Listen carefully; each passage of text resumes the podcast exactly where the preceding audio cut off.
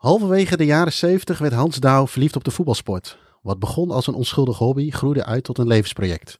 Hans raakte in de band van stadions en reisde over de hele wereld om clubs te bezoeken. Zo groeide hij uit tot de groundhopper des vaderlands. Deze titel kreeg hij tijdens een interview van de presentatoren van NOS Langs de Lijn. Welkom bij weer een nieuwe aflevering van de podcast van Staantribune. Um, ik zit uh, vandaag in het gezelschap van uh, Jim Holtwes, hoofdredacteur van het uh, magazine Staantribune. En nou ja, de groundhopper des vaderlands, Hans Douw. Goedemorgen, heren. Goedemorgen. Jullie zitten al goed aan een gevulde koek. Ja, ik dacht van, dat is helemaal toepasselijk bij Hans een voetbalbeleving. Want ja, jij bent toch fan van de gevulde koek? Dat ik, is ook jouw ideale voetbalvoer. Zeker bij Nederlandse amateurwedstrijden ga ik uh, nooit weg van het complex voordat ik een, een gevulde koek uh, uh, heb gegeten. ja, dat is heel erg belangrijk. Gevulde koek en een bakje koffie. en dan kan mijn dag niet meer kapot. En ik, hoor, ik hoorde het toen straks Jim al vragen. Zit er een bepaalde strategie in het eten van een gevulde koek? Nee, nee, nee. nee. Op het moment dat ik een gevulde koek laat ik zeggen, zie, dan, dan bestaat de wereld alleen nog maar uit mij en die koek. En dan, uh, uh, dan schuif ik hem standrechtelijk naar binnen. En ik heb dan eigenlijk niet meer het vermogen om heel rustig na te denken van hoe ga ik dat nou doen of zo. Dus, uh, en er zijn ook bepaalde clubs in Nederland waarvan ik van tevoren weet van, oh lekker, vandaag ga ik naar Kozakkenboys bijvoorbeeld, of naar Noordwijk, of naar IJsselmeervogels. Nou, daar hebben ze verse gevulde koeken. Dus het wordt een mooie dag. Er zijn ook clubs overigens waar ze alleen maar hele ingepakte, laffe, roze koeken hebben en zo. En dan, uh, dan moet ik echt mezelf bij elkaar vegen om naar zo'n wedstrijd te gaan. we, we, kunnen wel een leuk polletje doen op, op Twitter. Van ben jij team Noot of nou, eh, team Hans of team Jim? Kijk, ik ben namelijk Hans stopt er gewoon zijn mond. Maar ik ben zo, ik eet alles op en dan bewaar ik de noten voor het laatst. Het lekkerste bewaar ik voor het laatst. Dan heb ik nog wel deze noot, deze koeken. maar liefst drie noten. Dus dat vind ik echt helemaal smullen. dus ik ben benieuwd hoe de staantribune volgen zijn gevulde koek eet. Ja. Hm. Ik, ik, ik, ja, ik, ik denk dat veel mensen op mijn spoor zitten hoor. Ik zou het, laat ik zeggen, betwijfelen maar daar hebben we dus de pon voor nodig. Ja, om ja inderdaad. Te zoeken. Laten, we, laten we dat zeker even gaan doen. Ja. Um, Jim, om bij jou te beginnen. Uh, Staantribune is natuurlijk niet alleen een, eh, een magazine, maar uh, uh, we brengen ook boeken uit.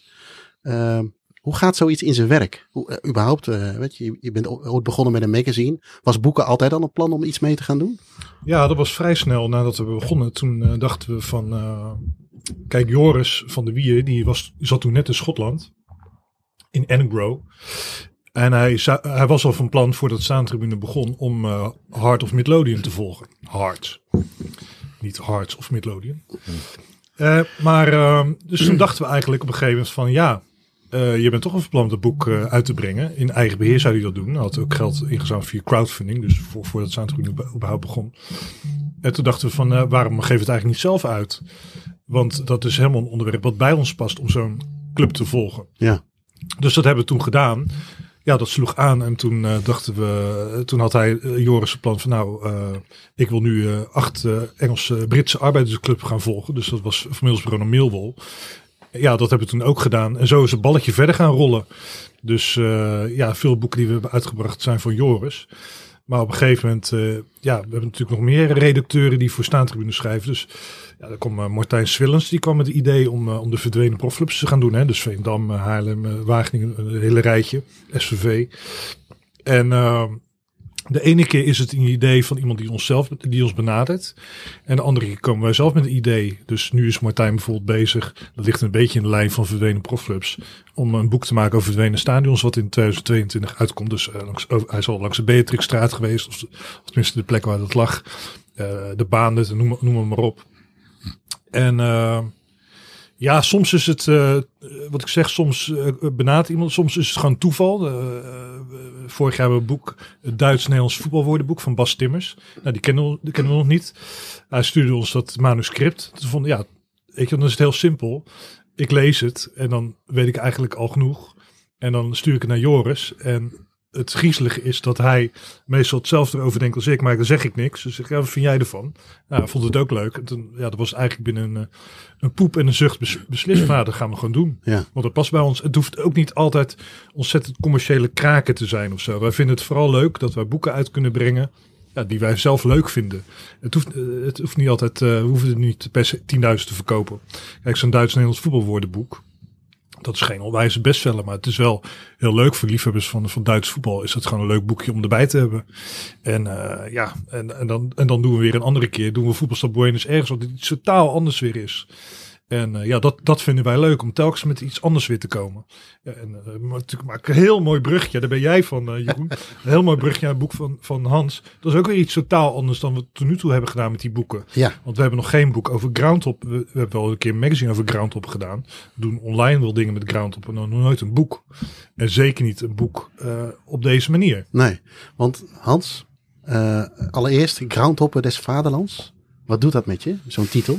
Uh, ja, dat doet wel heel veel voor, met me, moet ik eerlijk zeggen. Hè? Uh, het is overigens niet een titel die ik uiteraard zelf heb bedacht. Ik zat in januari vorig jaar zat ik bij NOS Langs de Lijn. Die hadden een thema over groundhopping. En uh, daar was ik voor uitgenodigd. En uh, ik weet niet of het nou uh, Gert van het Hof of Henry Schut was, maar dat waren de twee presentatoren. En een van de twee kwam ineens met die titel. Toen dacht ik van ja, NOS Langs de Lijn is natuurlijk voor iedereen de standaard als het gaat om sportradio. Dus als zij het zeggen, dan mag ik die titel mij toe-eigenen. Dus dat heb ik volgraag gedaan. En uh, nou ja, goed, het, het, het, uh, het doet in die zin wel wat met me, dat het wel wat over me zegt, dat mijn hele leven uh, in teken van groundhoppen staat. Ja. Hè, al, al, uh, al 45 jaar lang. Dus in die zin vind ik de titel wel terecht. Maar ik doe niet mee aan uh, lijstjes van mensen die x aantal stadions hebben bezocht. En dan boven of onder mij in de, in de nationale ranglijst staan. Maar het is inmiddels natuurlijk wel duidelijk dat ik, dat ik wel heel veel gezien heb. Ja, maar ja, wij, wij kennen elkaar nu natuurlijk inmiddels een beetje. Maar even voor alle duidelijkheid, het interesseert je helemaal niks. Hè? Aantallen. Weet je, het is niet, het is niet zo dat jij, uh, oh ja, ik ben de grootste. Weet nee, je. helemaal niet. Het is, de, eigenlijk is die titel ook, die ondertitel op het boek ook een min of meer een grapje. Een ja, zeker. Ja, 100%. Nee, helemaal, uh, helemaal uh, terecht. Maar ja. ik, ga, ik ga het toch even noemen. Ja. 90 landen, vijf continenten. Ja. en, maar ik denk dat jij, even los van wat je met die statistieken doet. Ik heb wel eens begrepen, je hebt een Excel-lijstje, daar staat alles in. Ja, zeker. Ja, ik, ik, ik heb een... een een, een bijna aangeboren afwijking als het gaat om het vastleggen van feitjes. uh, en laat ik zeggen, wat, wat het mooie is aan mijn lijstjes, als ik dat zelf zeg, is dat ik vanaf het eerste moment dat ik dingen ben gaan doen, dus vanaf het eerste moment dat ik stadions ben gaan bezoeken, wedstrijden gaan bezoeken, maar ook vanaf het eerste moment dat ik wedstrijden ben gaan spelen, ja. ben ik het gaan vastleggen. Dus op mijn tiende jaar, als je normaal gesproken alleen nog maar bezig bent met buitenspelen, bij wijze van spreken, vanaf mijn tiende jaar heb ik alles minutieus vastgelegd. En dat maakt dat al die lijstjes compleet zijn. Uh, en dat is als je eenmaal 56 bent, want ik ben nu 56, is dat wel uh, een soort van uniek. Hè, er zijn uh, talloze mensen die meer dan 1058 wedstrijden hebben gespeeld zelf. Uh, maar er is bijna niemand die van al die 1058 wedstrijden uh, de statistieken heeft. En ik wel. Uh, heb je ook nog al die schriftjes bewaard? Alles, alles, alles. Ja, ja alles. Dus ik heb uh, een dozen met schriften. En ehm, laat ik zeggen, die, die statistieken met betrekking tot de wedstrijden en stadions. Dat begon allemaal handmatig. En op een gegeven moment ben ik dat in Excel-lijstjes inderdaad gaan, gaan onderbrengen. ja, en zo heb ik een enorme database met, met informatie over al het groundhoppen en al het bezoeken. Wat natuurlijk extreem makkelijk is als je een boek gaat schrijven. Dus... Hey, en tegenwoordig heb je zo'n, uh, ja, ik zit er zelf niet op, maar jij wel, Jeroen, een Footballogy app. Heb je dat ook allemaal daar ingevoerd? Nee, nee. Daar, nee. daar begin je niet aan. Nee, want dat, uh, Jim, dat is weer heel erg op, op de buitenwereld gericht. Hè? Dus, dus het, het laten zien wat je allemaal gedaan ja, hebt. Ja. En, en daar ben ik dus niet zo van. Ja. Hè? Dus ik hoef niet per se de, de competitie met andere groundhoppers uh, aan te gaan. Um, uh, omdat je ook, je hebt, laat ik zeggen, je hebt, je hebt groundhoppers in alle soorten en maten. Je hebt ook mensen met groundhop DNA die eigenlijk nauwelijks in stadions komen. Maar die wel op de een of andere manier heel erg geïnteresseerd zijn. Altijd als ze tv kijken inzoomen op die stadions. En die uh, eigenlijk vanaf een zolderkamer uh, hun voetbalhobby beleven. En die bijna op gelijk niveau met mij daarover kunnen praten. Ja. Alleen dan een hele andere invulling van hun hobby hebben. Daar heb ik overigens ook een hoofdstukje in mijn boek over geschreven. Dus, maar wat wel geinig is dat je dan dat je kan kijken van hé, hey, uh, ik was vandaag op 31 maart of 1 april 1996 zat ik bij deze wedstrijd. En, en, ja. en, en tien jaar daarvoor zat ik bij deze wedstrijd. Dat is wel grappig. Ja, heel grappig. Ja, zeker. Ja, nou ja, en het leuke is dat je tegenwoordig natuurlijk met internet kun je kun je ook eh, heel veel statistieken terughalen hè, en, en dingen ontdekken. Hè. Dus, dus eh, eh, nou ja, ik was ooit een keer bij een wedstrijdje, een wedstrijdje van, van Metz bijvoorbeeld. Gewoon in de, in de, in de Ligue 1 in, in Frankrijk. Net Metz, Metz tegen Nantes in 2002 of zoiets. Ja. En dan kom ik er 15 jaar later achter dat dat de, het grote debuut van Frank Ribéry was. Als Ja. profvoetballer. Dat zijn dan dingen waar je heel veel later achter komt. Nou ja, dan kan ik weer even terugzoeken als ik het in de krant lees. Van was het nou precies die wedstrijd waar ik was? Op 7 augustus. Ja, het was die wedstrijd. Eh, nou ja, dat is het voordeel van statistieken. Dat ik dat allemaal mooi terug kan halen en, eh, en weer kan herbeleven. En dat heb ik overigens bij het boek ook heel nadrukkelijk gedaan. Dat ik al die dingen eh, herbeleefd heb. Dus dat ik wat dat betreft ook een soort eh, eh, nou ja, trip door mijn eigen jeugd heb gemaakt. Trip down memory lane. Ja, Precies. want even naar, naar, naar het boek. Ehm, je bent groundhopper, hè? je houdt van voetbal. Ja. Ehm, en dan ga je ineens een, een boek schrijven, of dan wil je een boek schrijven. Waar kwam dat idee vandaan? Eh, nou ja, goed. Ik merkte al eh, langere tijd dat eh, de verhalen die ik had en eh, dingen die ik had meegemaakt, dat die ook eh, een soort boekwaardig waren. Er waren al meerdere eh, nou ja, uitgeverij uitgeverijen geweest die ooit eens hadden gevraagd van, joh, zou je het niet eens een keer allemaal gaan opschrijven? Eh, En sommige waren er ook heel vasthoudend in. Die, die kwamen ieder jaar terug van, zou je het niet een keer gaan opschrijven? Maar ja, ik ben een gevoelsmens en het is ook niet mijn werk. Dus ik moet er een goed gevoel bij hebben. En, ehm, en dat had ik bij Staantribune. Dus toen, eh, toen ik met, met Jim en Joris in gesprek raakte over, eh, over weer dit plan om het een keer op te schrijven. eh, toen dacht ik van ja, dit, dit blad past ook bij mijn hobby en bij de manier waarop ik ermee omga. En het zijn aardige gasten. Ehm, en wat, wat vervolgens wel geholpen heeft, moet ik heel eerlijk zijn. ehm, Die, die bontjas en die eh Cubaanse sigaren. Zeker, zeker. En die gevulde koeken trouwens. Ja, ja, ja, ja. ja. Nou ja, ik werd, ik werd uitgenodigd eh, eh, bij Joop van Maurik in het café in, in Utrecht. En eh, eh, voorafgaand aan het bezoek eh, gingen we aan de overkant bij een hele slechte Chinees ook nog eens een keer eh babi pango eten. Ja, bij mij helpt dat gewoon. ik bedoel, dan moet ik... eh, Dat, Wijssoen op de Julianaweg. Dat Ja, bedoel ik. Je kan er nu niet zitten, maar je kan wel afhalen. ik eh, ja, daar kom ik met mijn bed vooruit. Ehm, en wat uiteindelijk wel geholpen ook heeft, is, is de coronacrisis. Ik bedoel, de coronacrisis heeft alleen maar ellende veroorzaakt. Laat Ja. dat duidelijk zijn. In Ja. allerlei opzichten. Daar hoeven we nu niet eh, bij stil te staan. Maar kijk, normaal gesproken, als, als mijn weekend begint op zaterdag, of eigenlijk op vrijdagavond. Dan, dan, dan liggen er acht wedstrijden voor me in het verschiet. Hè? Want ik ga vrijdagavond, zaterdag en zondag ga ik naar voetbal. Dus eh, het feit dat dat nu niet zo is, dat geeft mij natuurlijk een enorme zee van ruimte. Ehm, en die heb ik gebruikt om, eh, om het boek te schrijven. Dus dat heeft wel heel erg geholpen. Normaal gesproken zou ik het eigenlijk nooit hebben kunnen schrijven. eh, onder normale omstandigheden. En dan is het eh, laptopje open en beginnen? Of eh, hoe, eh, hoe gaat zo'n proces? Eh, ja, op verschillende manieren. Lab, natuurlijk over nadenken van wat, wat, zijn, wat zijn mooie invalshoeken. Sommige dingen die liggen voor de hand dat ik daarover ga schrijven. Ik heb natuurlijk bepaalde highlights. Het afscheid van Van Basten. Wat er in Rusland allemaal gebeurd is. ehm, eh, een WK-finale. eh, het, het crownhoppen in de buurt. hè, bepaalde de, de, de, de, de struggle altijd om aan kaarten te komen. Eh, dingen die in het stadion zelf meemaakt. Hè? De, de catering, hè? wat voor groundhoppers heel, eh, heel belangrijk is. Eh, de, de liederen die je hoort, hè? om daar een verhaal over te schrijven. Er zijn allerlei verschillende invalshoeken die eigenlijk voor de hand liggen om een keer te behandelen. Ehm, dus die zijn gewoon in mijn hoofd opgekomen. Heb ik op een voorraadlijst eh, gezet. En vervolgens ben ik die verhalen gaan schrijven. Daarnaast ben ik ook heel erg geïnspireerd door mijn omgeving. Dus eh, mijn vrouw die, eh, die heeft een heel groot deel van die, van die groundhoploopbaan zelf meegemaakt. Is ook heel veel meegeweest naar wedstrijden. Dus die heeft ook heel, heel erg meegedacht over onderwerpen. Van joh, zou je daar niet over schrijven? Zou je daar niet over schrijven? Mijn kinderen hebben erover meegedacht. Die zijn inmiddels 21 en 23 en al lang het huis uit. Maar ook heel erg betrokken geweest bij het, eh, bij het boek. Ehm, ja, en tenslotte heb ik ook wel eens gewoon. Ik, heb natuurlijk al die registraties. Ik ben ook gewoon die registraties allemaal afgegaan. Al die wedstrijden. En gedacht van: oké, zit daar een verhaal in, zit daar een verhaal in, zit daar een verhaal in. Nou, dan kom je op Real Madrid Barcelona. Dat is interessant om over te schrijven. De Old Firm is natuurlijk altijd een, een, eh, een bekend thema. Ehm, nou ja, op een gegeven moment krijg je idee van ja, ik moet eigenlijk ook lijstjes gaan behandelen. Dus ik, de, de, het mooiste stadion ter wereld, een verhaal over schrijven. Het lelijkste stadion ter wereld, een verhaal over schrijven. Eh, amateurvoetbal, zaterdagvoetbal. Er zijn natuurlijk allerlei verschillende invalshoeken die, eh, die het rechtvaardigen om daar een stuk over te schrijven. Ja. En, en ja, zo is die puzzel eh, compleet geworden.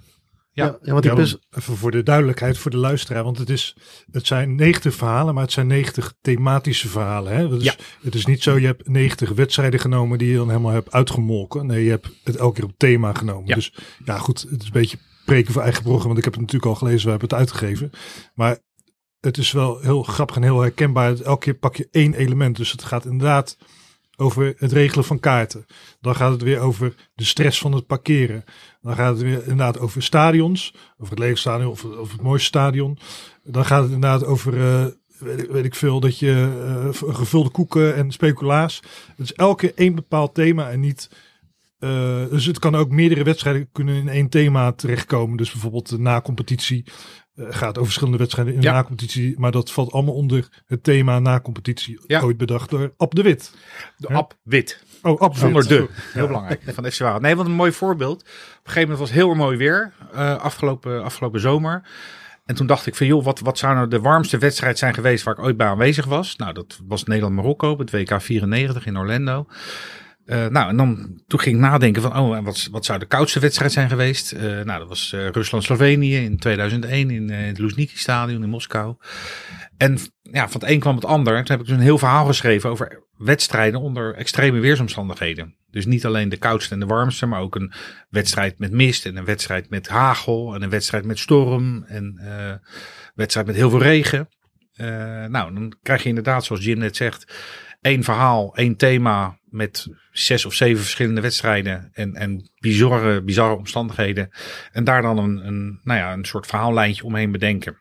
En dan heb je weer een verhaaltje. Ja, en, en met het eh, eh, bezoeken van die wedstrijd die je gedaan hebt, heb je daar altijd een bepaald doel bij gehad van ik wil dit zien, dit zien, dit zien? Of kwam het toevallig uit bijvoorbeeld met werk of met vakantie? Of is het een samensmelting? Ja, een combinatie. Een combinatie. Kijk, groundhoppers die zijn natuurlijk primair om gericht om zoveel mogelijk, om zoveel mogelijk verschillende stadions te Ja. zien. Hè, ik bedoel, dat is wel een duidelijk doel. Dus, ehm, eh, dus ik heb een, een enorme eh, menukaart met, met, met stadions waar ik nog naartoe wil. En landen waar ik nog naartoe wil. Regio's waar ik nog naartoe wil. eh, divisies waar ik nog een keer een wedstrijd wil hebben gezien. En vervolgens ga ik dat in mijn, in mijn normale leven vlechten. Hè? Want ik heb ook gewoon een werk en ik heb een gezin. Ehm, nou ja, dan eh, enerzijds gaat het via vakanties, maar anderzijds gaat het ook gewoon van, nou ja, eh, onder normale omstandigheden ben ik eigenlijk ieder, iedere maand wel een keer in het buitenland. Eh, en de ene keer is dat gewoon met de auto naar Duitsland of België of Frankrijk. Maar goed, ik, ik zit ook vaak in, in een vliegtuig richting, Den of richting, richting Rusland of richting Italië of Spanje. ja. Ehm, ja, en zo, zo plan je het eh, door. En als je dan maar lang genoeg, jaar in jaar uit, zo'n hobby eh, beoefent, dan krijg je inderdaad de aantallen zoals die nu bij mij eh, zich voordoen. Ja, Ja. Want, eh, eh, ja, goed, we komen zo wel op de luisteraarsvragen. Maar een van die vragen was, ja, hoe doe je dat in godsnaam? Hoe kan je dat allemaal combineren met werk en gezin? En eh, ja, en vind je vrouw dat wel leuk? En zo, dat, dat soort vragen kre- kregen we. Nou ja, het is, het is natuurlijk evident. Ik, ik, krijg, ik heb altijd en nog steeds heel veel ruimte gekregen binnen de gezinssituatie om mijn hobby te beoefenen. En als je niet in die eh, eh, gelegenheid bent, als, je, als, je, als, als dat je niet gegund wordt, dan wordt het gewoon een lastig verhaal. Hè? Dus daar, daar begint het mee. Eh, dan heb ik ook nog eens een keer het geluk dat mijn vrouw en mijn kinderen zelf ook helemaal voetbalgek zijn. Dus eh, Ja. eh, wat dat betreft ook, ik hoef nooit wat uit te leggen.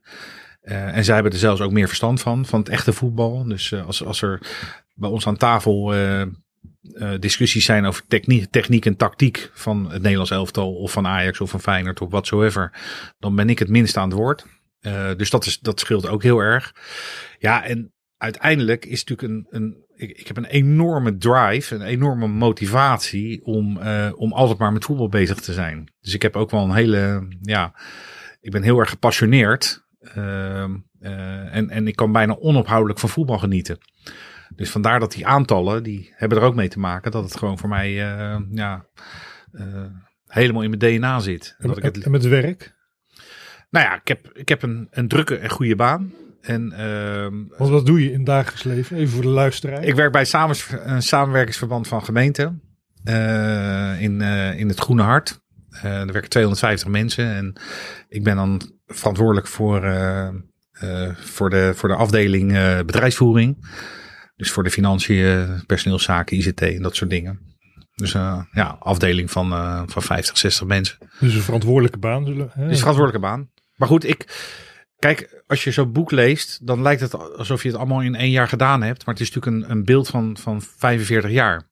Uh, en in de praktijk uh, blijkt dus dat, dat het wel goed te combineren is. Je kan overdag hard werken en s'avonds in het weekend kun je, naar, kun je naar wedstrijden toe gaan en naar stadions toe gaan. En als je dat dan jaar in jaar uit doet, dan, uh, nou ja, dan ben je op een gegeven moment de groundhopper uh, des vaderlands. Dus niet, bij jou is niet work hard, play hard, maar work hard, groundhop hard. Ja, zeker. Ja, zeker. Nee, absoluut. Ja. Nee, want ik werk ook graag. Hè, dus ja, het is, het is gewoon te combineren. Maar het gaat eigenlijk een beetje op een, om op een natuurlijke manier. Hè? Ik bedoel, ja. het is ook niet zo dat je het heel erg... Nee. Je hoeft ook niet... Ik bedoel, je komt op mij niet over als een heel erg stresspersoon die alles helemaal zo uh, stressvol zit in te plannen, zeg maar. Nee, helemaal niet. Nee, nee. Kijk, wat vroeger uitmaakte is dat, dat ik nooit huiswerk maakte. Dus dat gaf tijd om, om met voetbal bezig te zijn. En uh, wat, waar ik nu heel veel baat bij heb, is dat ik twee linkerhanden heb. Dus dat ik niks kan. Dus in, in het huis hoef ik nou. Hey, ik zie ook mannen die het hele weekend aan het klussen zijn en zo. Nou, daar heb ik geen last van, want ik kan niks. Dus dat geeft ook heel veel uh, tijd. En voor de rest inderdaad, uh, nou ja, is het, is het op een relaxte manier plannen. En het is voor mij ook wel, moet ik zeggen, een, een, ik, heb, ik heb heel veel vrienden. Uh, het is voor mij ook een manier om met mijn vrienden om te gaan. Dus ik heb bepaalde vrienden, daar ga ik altijd mee uh, naar, uh, naar Nederlandse wedstrijden. Ik heb bepaalde vrienden, daar ga ik altijd mee naar Engeland of naar obscure Oostbloklanden. dus ik heb op de een of andere manier hebben al mijn vrienden een bepaald profiel, een bepaald bezoekersprofiel. En ik heb tussen de zes en de tien van dat soort vrienden waar ik meer of minder mee op pad ga. En voor, voor hen is het zo dat ik eh, twee, twee of drie keer per jaar, uh, laat ik zeggen, met, op pad ga. Maar, maar voor mij is het zo dat als ik al die vrienden en al die tripjes bij elkaar optel, dat dat natuurlijk tientallen tripjes zijn. Mm. Dat ik met al die tien vrienden al die verschillende tripjes maak. Ja. Uh, dus het is ook wel een beetje mijn sociale structuur. Ja, en, en, maar je hebt ook wel eens verteld dat je ook heel veel alleen doet, toch? Zeker, ja. Dus een groundhopper uh, reist ook alleen. En, en ja, nee, precies. Dus ik, ik, ik kijk, het, het nadeel van alleen gaan is dat je je ervaring niet kan delen ter plaatse en dat het minder gezellig is. Maar voordeel is wel dat je uh, je eigen programma kan afdraaien. Dus uh, ik merk ook als ik alleen op pad ga, dat ik uh, heel erg gefocust ben op zoveel mogelijk op een dag doen. En dat ik dan wel eens erachter kom, smiddags om vijf uur, dat ik nog niks gegeten heb, bijvoorbeeld die dag. Ehm, wat ook wel weer, laat ik zeggen, vreemd is voor een groundhopper. Want groundhoppers houden ook over het algemeen heel erg van eten en drinken. Maar dat ik zo ge, gefocust ben, hè, dan wil ik Praag in één dag doen. Alle stadions die daar zitten. Of ik wil in Londen uh, meerdere clubs uh, tegelijk doen. Of, uh, of, of, of, lange stukken afleggen met de auto. Zodat ik weer klaar ben voor een dag later om, om weer dingen te doen. en dan kan ik echt heel erg nou ja, gefocust, laat ik zeggen, mijn clubjes afgaan. Jim, jij noemde net al, we hebben wat uh, vragen van luisteraars uh, gehad. Uh, nou, inderdaad, Erik van Huigenvoort, die vroeg inderdaad ook hoe je het, hoe je het combineerde. Nou, daar heb je een mooi antwoord op gegeven, Hans. Ehm, een, een, vraag van, van Gosling is, ehm, je hebt uiteraard al heel wat gezien. Ehm, maar staat er nog iets op jouw wensenlijstje? Ja, zeker. Ja, ja en laat ik zeggen, dat wensenlijstje gaat nooit weg zijn. Dus er zullen altijd targets blijven. Kijk, het belangrijkste target die ik heb is uh, het Aztekenstadion in Mexico-stad. Uh, dat is eigenlijk het enige grote, enige grote WK-stadion waar ik nog nooit geweest ben in de wereld. Okay. En ik zou ooit een keer. Uh, toen was ik in, in Midden-Amerika, in, in Guatemala en Costa Rica, was ik uh, aan groundhoppen. Dus zou ik eigenlijk via Mexico-stad terugvliegen naar Nederland. Uh, was in 1998 al. En toen was er wat met die, met die terugvlucht aan de hand. Dus toen ging dat niet door.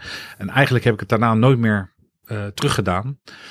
maar 98 moest je even naar Frankrijk nog voor het WK. Zeker, zeker. Alsof je bruin brood haalt bij de bakker. Ja, ja zeker. Ja. Nee, tuurlijk. Nee, Kroatië, Jamaica in Lans uh, zat ik op de tribune. Uh, dus nou ja, het Aztekenstadion is echt heel belangrijk. Ik, toen ik 55 werd, toen uh, heb ik uh, de trip naar Mexico-stad heb ik van mijn vrouw en kinderen uh, cadeau gekregen. Maar goed, toen kwam corona. Dus ik heb hmm. dat nog niet kunnen effectueren. Maar dat gaat er zeker komen. Als ik iets dichterbij kijk in Europa, de UEFA heeft 55 eh, leden, 55 landen. En eh, er zijn er twee waar ik nog niet geweest ben. Dus die moeten ook eh, aan de beurt komen. Dat zijn eh Kazachstan en eh, Azerbeidzjan. Dus ik moet nog naar, eh, in ieder geval naar Baku Ja. in eh, Azerbeidzjan. En in Kazachstan moet ik eh, nou ja, naar Astana of naar Almaty of zo. Maar goed, de andere 53 heb ik dus wel gedaan. Ja, en dan heb je in, in, in Europa nog, nog dichterbij, hè, in de ons omringende landen, heb je kleinere en grotere clubjes waar ik dan nog nooit geweest ben. Maar dat zijn natuurlijk heel weinig. Hè, als ik de, de Primera Division in, in, in, in Spanje, daar ben ik overal geweest, behalve bij Villarreal. Dus ik moet nog een keer naar Villarreal. Nou, dat is wel mooi. Eh, en dat is hartstikke mooi. Ja. Eh, El eh, Madrigal. Ehm, en in, ehm, ja, in, in België bijvoorbeeld, hè, nog dichterbij. eh daar wil ik nog een keer een wedstrijd eh, van, van Zwarte Leeuw zien. In, eh, Ah, heb je die nog niet gehad? Nou, echt een loser ben je dan. Ik hoor. vind dat we de titel nu af jongen, moeten jongen, nemen. jongen. Ho, ho, wacht even, wacht even, wacht even. Ik ben wel in het stadion geweest, Ja, het telt niet. maar nog niet bij een wedstrijd. nou, dat nee. moet nog een keer gebeuren. Ja. Nou ja, ik merk inderdaad, ja, dat is, dat is pijnlijk. Hè, Dat is heel pijnlijk. Maar, maar eh, even, eh, geeft het jou nog een bepaald gevoel als je dan eindelijk zeg maar eh, al die WK-stadions zou hebben gevinkt waar een finale is gespeeld? Hè? Heb je, heb je, wat gaat er dan door je heen? Heb je dan nog een, denk je dat je dan een bepaald gevoel nog hebt? Ja, Als ja? ja, Wat voel je dan? Controle.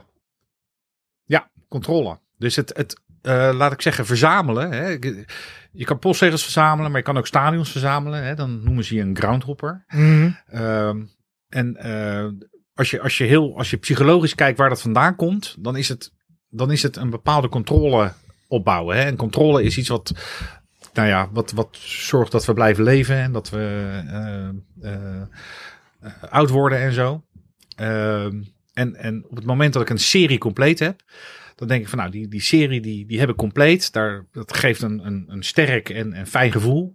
En ik moet ook zorgen dat die compleet blijft. Hè? Want nou, WK finale stadions, die heb ik dus nog niet helemaal. Ja, dat was Azteca dus. En? Wat is die Ja? Yoko, Yokohama. Dat is de andere. Maar, daar, maar op de een of andere manier, stadions in Japan en Amerika, daar heb ik niet een heel eh, warm gevoel bij, omdat die voor mij geen voetbaltraditie hebben. ja, ja. Dus het mooiste stadion ter wereld kan ook nooit in Japan of in Amerika staan, hoe glamorous en, en, eh, en groot ze ook zijn. Omdat, omdat ook voetbaltraditie een, een belangrijke rol speelt bij, bij de gevoelswaarde. Maar heb je dan eigenlijk niet zoiets... Nou, ik ga eerst naar Yokohama en daarna pas naar Azteca. Want dan sluit ik af mijn serie WK-stadions met hetgeen- degene waar, waarnaar ik het liefste nog wil. Ja, dat, dat zou een strategie kunnen zijn. Maar op de een of andere manier, als, hè, dus op de een of andere manier ehm, wil ik zo graag naar Aztekenstadion. Hè, er zijn twee finales gehouden, waaronder eh, de, de Hand van God. eh, of de- dat is niet een finale, maar die is daar ook eh, in dat Mhm. Aztekenstadion gespeeld.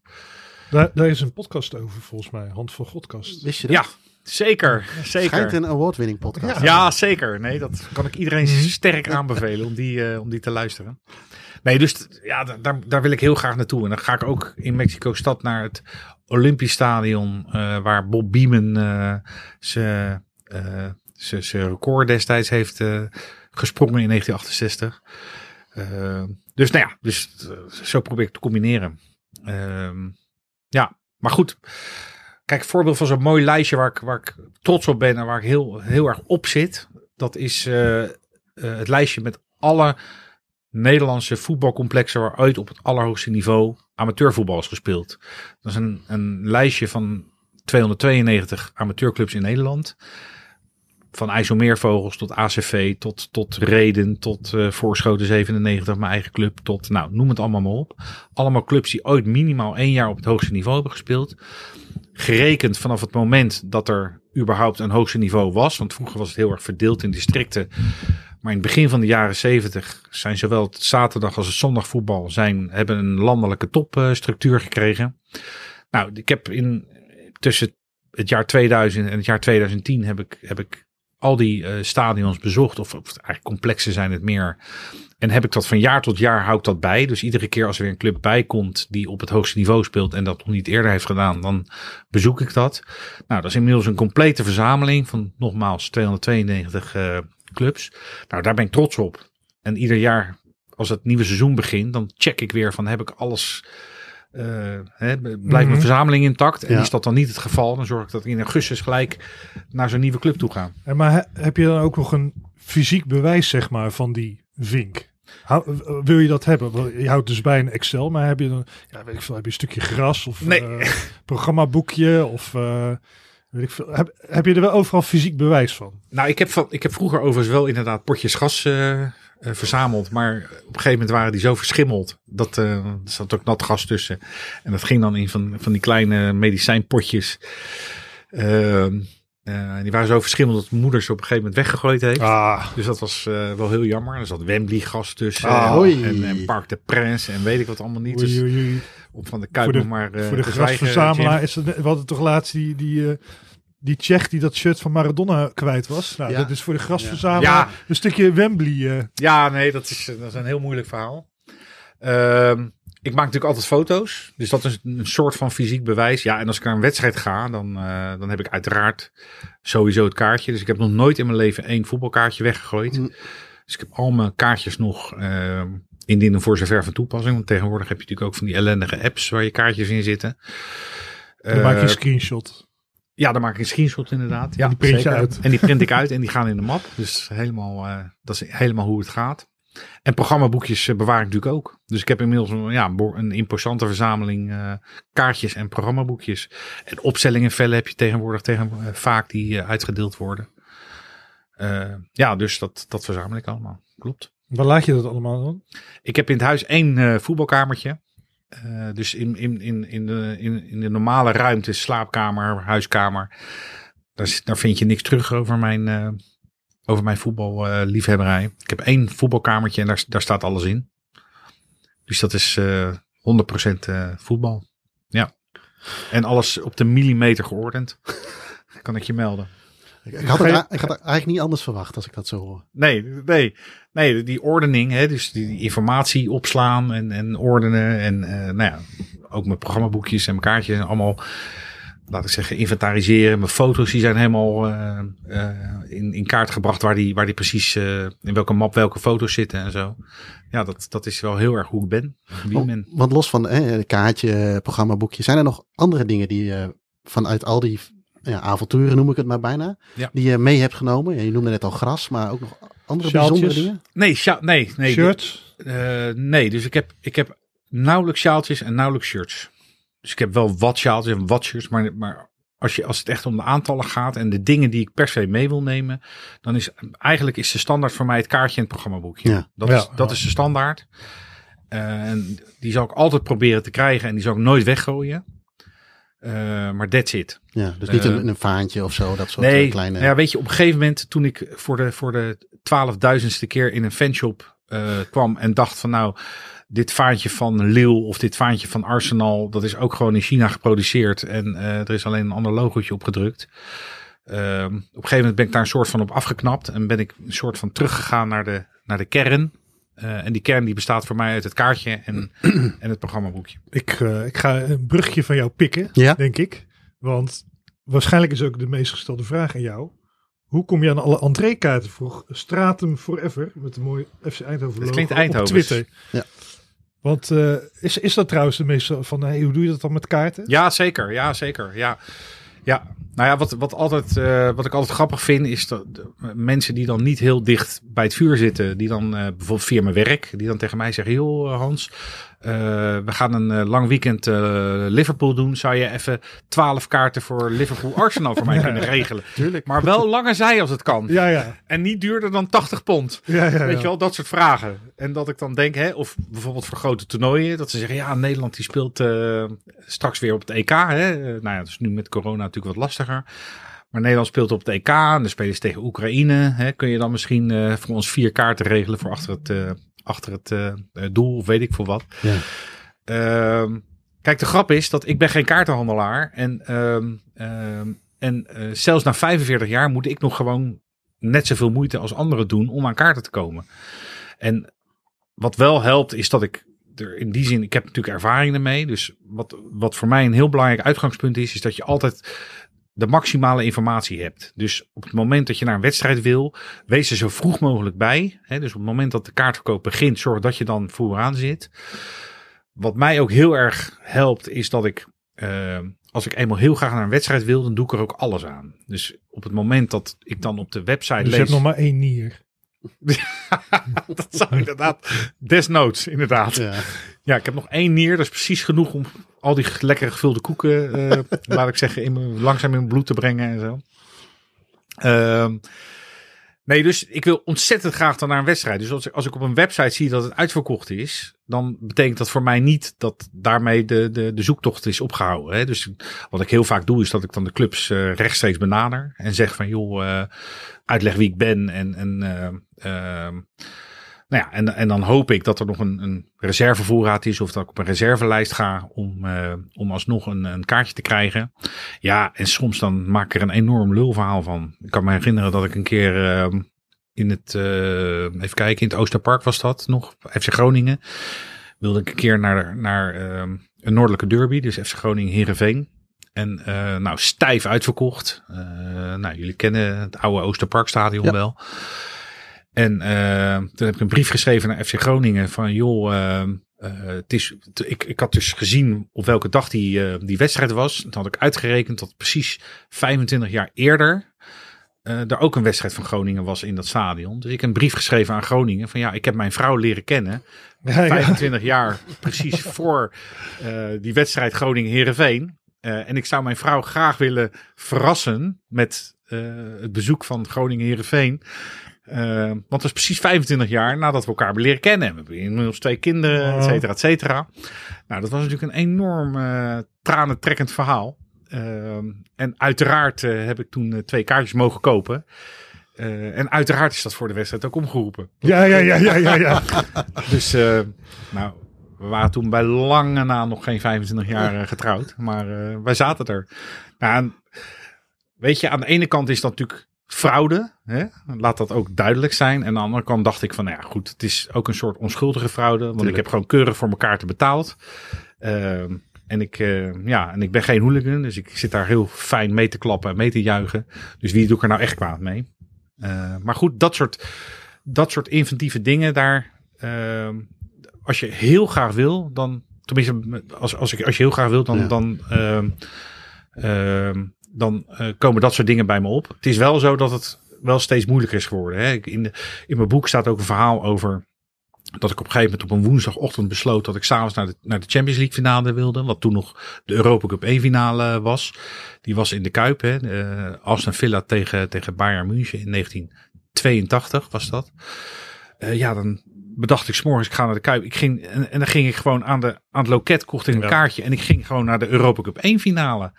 Nou, tegenwoordig is dat natuurlijk ondenkbaar. Ja. Tegenwoordig die Champions League finales, die kunnen ze honderd keer uitverkopen. Het is ondenkbaar dat je daar überhaupt tussen komt.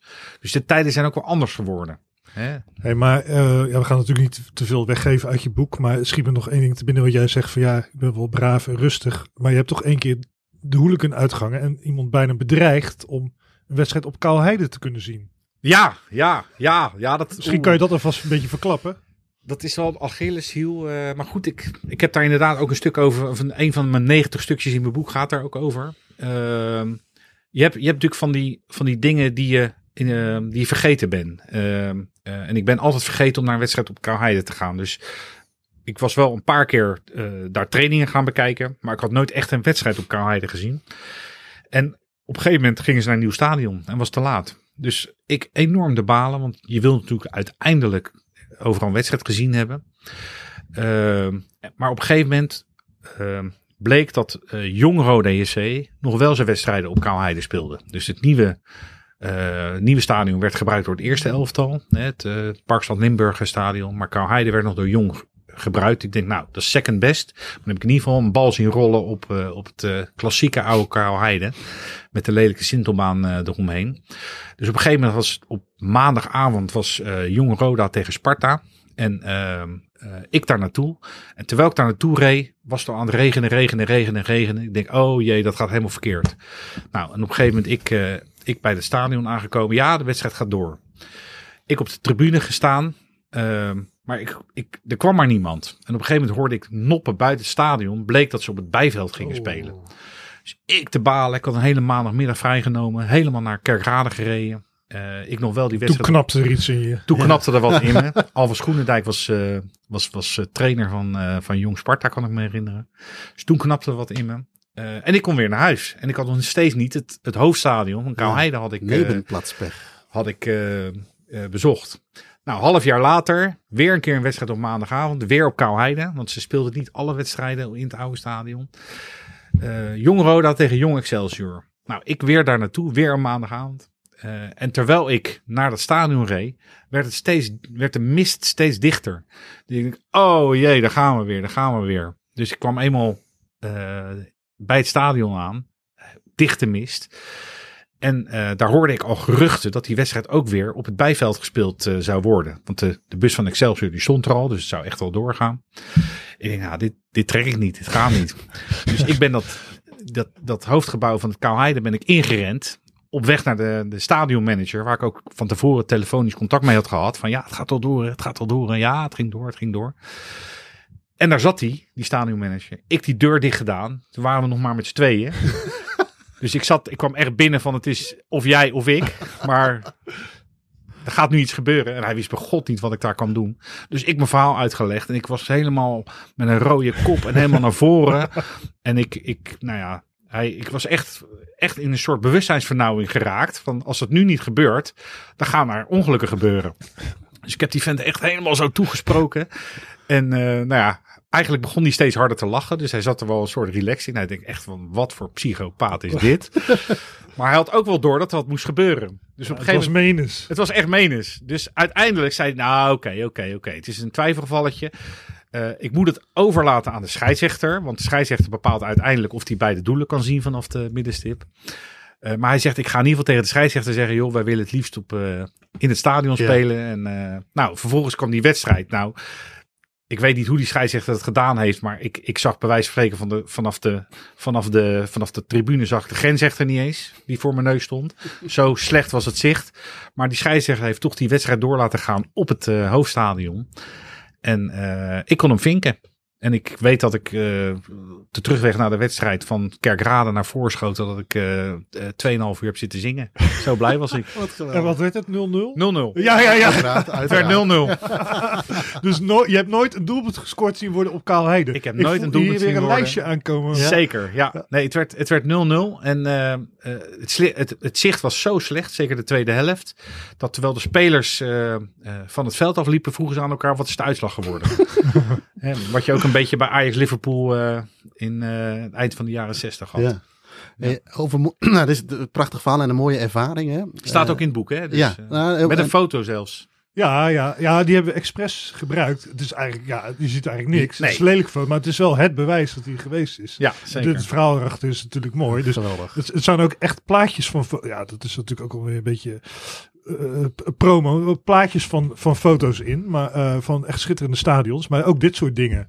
Van die, eh, ja, van die persoonlijke ervaringen. Ja. Ja, zo staan, eh, we- ja, ik schiet meteen een ander verhaal te binnen, maar we gaan, we gaan niet alles weggeven. Maar ja, je hebt echt bizarre anekdotes. Hè, maar, Ja, over, over ervaringen gesproken. We, eh, Rick, ik, ik, Rick Eckhart en eh, Dylan DJ hebben een beetje een soortgelijke vraag. Maar wat is jouw eh, eh, mooiste ervaring of club of land waar jij eh, van tevoren misschien een lage verwachting had of geen verwachting? Of die jou positief verrast heeft? Nou ja, goed, als je het laatste deel van je vraag weg zou laten, wat is je mooiste ervaring geweest? Dan zou ik zonder twijfel Buenos Aires zeggen. Hè, Buenos Aires is wat mij betreft samen met, met Londen de, de, voetbalhoofdstad van de wereld. Ik raad iedereen ook van harte aan om het boek van Joris van der Wier daarover te lezen van Staantribune. Omdat dat boek ook heel erg weerspiegelt wat ik daar zelf gevoeld heb. Eh, en ik raad ook iedere eh, voetballiefhebber aan om daar echt een keer, dat, dat, ik bedoel, daar, daar moet je echt een keer in je leven geweest zijn in Mhm. eh, Buenos Aires. En ik begrijp dat iedereen dan naar de Super Classico wil, hè, naar, naar Boca tegen, tegen River Plate. Maar als dat niet mogelijk is, ook alle andere clubs die ademen zo voetbal en zo het leven en zo rauwheid en zo echtheid, dat dat echt heel, eh, heel bijzonder is. Dus ehm, ja, dus dat vond ik heel bijzonder. Eh, en een plek waar ik geen verwachting van had. Dat is best wel, ja, dat, laat ik zeggen, dat kan ik wel aangeven. Ehm, waar ik totaal geen verwachting van had en wat, wat voor mij groundhop technisch gezien een soort eh, hemel op aarde was. dat was de Faroe-eilanden. Dus de Faroe, zoals je het officieel noemt. De Faroe begint er al mee dat het ontzettend moeilijk te bereiken is. Dus je kunt van Nederland niet rechtstreeks naar de Faroe. Dus je moet of via Denemarken of via Schotland. Met de boot of met het vliegtuig. Dus in mijn geval was ik via Denemarken daar naartoe gevlogen. En de Faroe, dat is een, een eilandengroep van 17 eilanden. En op al die eilanden liggen velden. En al die velden die hebben een soort iconisch uh, in, die liggen in een iconische setting met een grote rots op de achtergrond of met, met water op de achtergrond en met, met schapen. De, uh, en, en ja, groundhop technisch is dat echt waanzinnig mooi. Um, dus ik heb daar ook enorm veel foto's geschoten van al die, uh, van al die, van al die mooie plaatsen. Uh, en dat heeft heel veel indruk op me gemaakt. Ja. En ik heb daar ook uh, op die Far de, de beroemde Martin Knoets uh, ontmoet. De, de, de keeper met het witte mutsje. en uiteraard vind je in het boek zowel foto's van, van de Far als ook verhalen erover. en dat is echt een, een hele moeilijke, moeilijk bereikbare locatie. Maar wel iets wat ik iedereen kan aanraden om daar een keer naartoe te gaan. Ja, want jou, je had ook je houdt ook heel erg van reizen. Het is niet alleen maar puur het wedstrijd bezoeken. Het is nog veel meer voor jou. Ja, zeker. Nee, tuurlijk. Nee, nee. Laat ik zeggen, uh, als je toch ergens bent, dan is het ook wel interessant om, om zo'n land te bekijken. Uh, en wat, wat, je, wat ook wel grappig altijd is, is dat als je aan het groundhoppen bent, dan, dan ga je ook vaak weg van het centrum. Dus daar waar toeristen vaak alleen maar in de, in de hoofdstraat komen, of de, de, de kerken en monumenten in het absolute centrum bekijken, groundhoppers die gaan met de adressen van de clubs in de hand, gaan die naar buitenwijken uh, of naar binnenlanden zelfs. Uh, dus die komen op plekken waar, waar de echte uh, nou ja, binnenlanders wonen, de echte mm -hmm. bewoners van een land wonen, waar je echt de, de, nou ja, het ondaan is van alle toeristische shit die je normaal in het centrum wel tegenkomt. Dus wat dat betreft heb je ook een hele intense, authentieke manier van landen bezoeken als je groundhopper bent. Ja. Hey, en uh, ja, misschien is die vraag gesteld, maar anders ga ik hem gewoon stellen.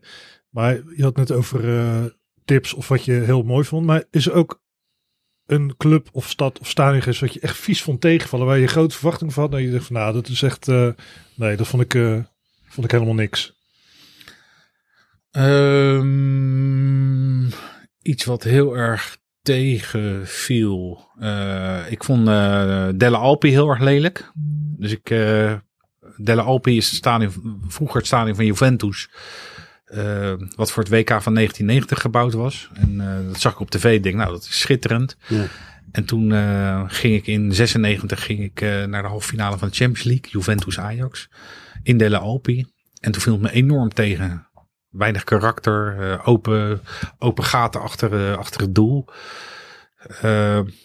dus ja, dat, dat viel heel erg tegen. En ehm, wat, wat grappig was, was dat de club het eigenlijk ook tegen vond vallen. Want ze hebben dat stadion, wat helemaal niet zo oud was, hebben ze tegen de vlakte gegooid. En hebben ze de, Allianz Stadion voor in de plaats uh, gebouwd, op diezelfde plek. En dat is weer ontzettend mooi, vind ik. Dus, uh, ja. ja, wat ik trouwens ook wel grappig vind aan jouw boek. Um, want heel veel mensen, ook heel veel staantribune lezers of volgers, die denken dan van ja, oude stadions en zo. En uh, ja, de, against modern football, wat we overigens nooit in het magazine zeggen. Uh, want dat zijn we ook niet per se, zeg maar. Er zijn ook uh, tegenwoordig zijn nog heel veel leuke dingen. Maar jij bent dus ook iemand die, je bent een soort veelvraat, want ook die Champions League schu schuw je helemaal niet. Hè? Dus het is niet alleen maar die obscure groundjes op de Faroe, maar jij kan ook genieten van de Allianz Arena bijvoorbeeld. Ja, Nee, 100%. Dus uh, ik, laat ik zeggen, wat dat betreft ben ik uh, een alleseter en vind ik alles leuk en alles mooi. Dus ik vind het zowel leuk om met, uh, met 80.000 man in een stadion te zitten. Als bij, een, bij een wedstrijd in de, in de Welsh Premier League voor, voor, voor 80 mensen in de regen. dat, dat vind ik eigenlijk net zo mooi. Hè, op een andere manier meer. En ik ben ook, kijk, bepaalde aspecten van modern voetbal, daar ben ik natuurlijk daar gruwel ik van. De, Mhm. de, hele geldmachine, daar word ik niet zo vrolijk van. Mm. En tegelijkertijd uh, het feit bijvoorbeeld, hè, want de, de, de aanhangers van, uh, again, van Again, de aanhangers van Against Modern Voetbal, Mm. die willen ook dat alle wedstrijden op zondag om half drie gespeeld worden. Uh, nou, daar ben ik geen voorstander van. Nee. Want nu kan ik acht wedstrijden zien en bezoeken. En als dat zo zou zijn, dan, Ja, uh, ja. dan zou mijn leven er anders uitzien. Ja. Dus, uh, maar inderdaad, ik vind alles, ik vind alles leuk. Dus ja, waar dat vandaan komt. Nou, liefhe liefhebberij. Nou, en ook leuk om de verschillen te Ja. zien. Ja. Ik bedoel, eh, eh, als je een wedstrijd van Go Eagles, eh, Jeroen, ik noem het maar even, eh, is weer heel anders dan een wedstrijd van Willem II. Ja. En juist die verschillen zijn ontzettend leuk. Dus eh, Eh, je noemde helemaal in het begin 56 jaar oud. Gaat eh, Hans Douw een keer met pensioen? Groundhopper pensioen? Nou ja, ehm, wat, kijk, wat, ik, wat ik me zou kunnen voorstellen is dat als je op een gegeven moment eh, fysiek misschien minder bent, hè, dat moet je nooit uitsluiten als je, als je op een gegeven moment echt met pensioen bent. Dan zou ik me kunnen voorstellen dat, me, eh, dat mijn kringetje wat kleiner wordt. Dus dat ik dan in plaats van dat ik eh, over hekken klim in Buenos Aires en eh, nou ja, op de vlucht ga voor honden in, in Rusland, wat allemaal gebeurd is. Dat ik dan op de fiets ga naar Stopwijkse Boys en naar ASC en naar Katwijk. gewoon in de buurt. Want uiteindelijk merk ik aan mezelf dat het, het DNA, het, het, het DNA, dat, dat betekent voor mij niet alleen maar dat ik naar verre landen moet. Hè, dat Groundhop DNA, dat heb ik ook als ik gewoon in mijn eigen regiootje, eh, binnen een straal van 10 kilometer, clubjes bezoek. Hè, dan kan ik, dan, dan, dan constateer ik dat ik dezelfde blijdschap heb als die ik heb wanneer ik eh, bij een WK-finale ben. En dat is ja, wel grappig om nog even te memoreren. Dat die, die kinderlijkheid die ik als tienjarige had toen ik ermee begon, dat die eigenlijk nog intact is. Ja. En toen was mijn kringetje ook heel klein. Hè. Toen ging ik op het fietsje eh, naar wedstrijden van Randstad Sport en van, van RKVV en van SVLV, allemaal bij mij in de buurt. En die kinderlijkheid die is eigenlijk nooit meer uitgegaan. Eh, nou ja, en je vraag is, is van ga je ook met pensioen? Ja, ik denk het eigenlijk niet. En het kan ook best zijn dat ik op een gegeven moment zo uh, wrakhout ben dat ik alleen nog maar bij mijn eigen clubje in mijn dorp kom. Uh, maar ook dan vind ik het leuk om op zaterdag naar een elftalletje te gaan kijken waar ik niks mee heb, maar gewoon omdat het voetbal is. Ja. Um, jouw boek komt uit 16 april, zegt dat goed Jim? Ja, ja. je kan hem nu nog uh, pre-orderen pre zonder verzendkosten tot en met uh, 8 april. En dus dan? dat scheelt je toch weer verzendkosten. Ja. En uh, daarna is hij natuurlijk uh, online verkrijgbaar nog steeds. En in de betere boekhandel natuurlijk. Wordt er nog eventjes een fles champagne opengetrokken op 16 april? Nou, ik denk dat, nou nee, maar ik denk dat moet hij vinken. Ik, hij, hij, moet naar een wedstrijd waarschijnlijk. Ik, nee, ik denk oh, nee, dat, dat, kan niet. Ik denk dat ik een, een gevulde koek uh, aanspreek in plaats van een fles champagne. Nou, top. Uh, Hans, uh, mag ik je bedanken. Uh, Jim ook bedankt. bedankt voor het luisteren naar deze aflevering van de podcast van Staantribune. Uh, mochten jullie nog tips, ideeën, opmerkingen of vragen hebben, dan horen wij dat uiteraard graag. Uh, ja, al deze dingen die kun, je, kun je mailen naar podcast.staantribune.nl. Mocht je dit nou een hele toffe podcast vinden, dan zouden we het leuk vinden als je op uh, iTunes een recensie voor ons achterlaat. uiteraard bij de podcast van Staantribune. Um, en tot de volgende keer.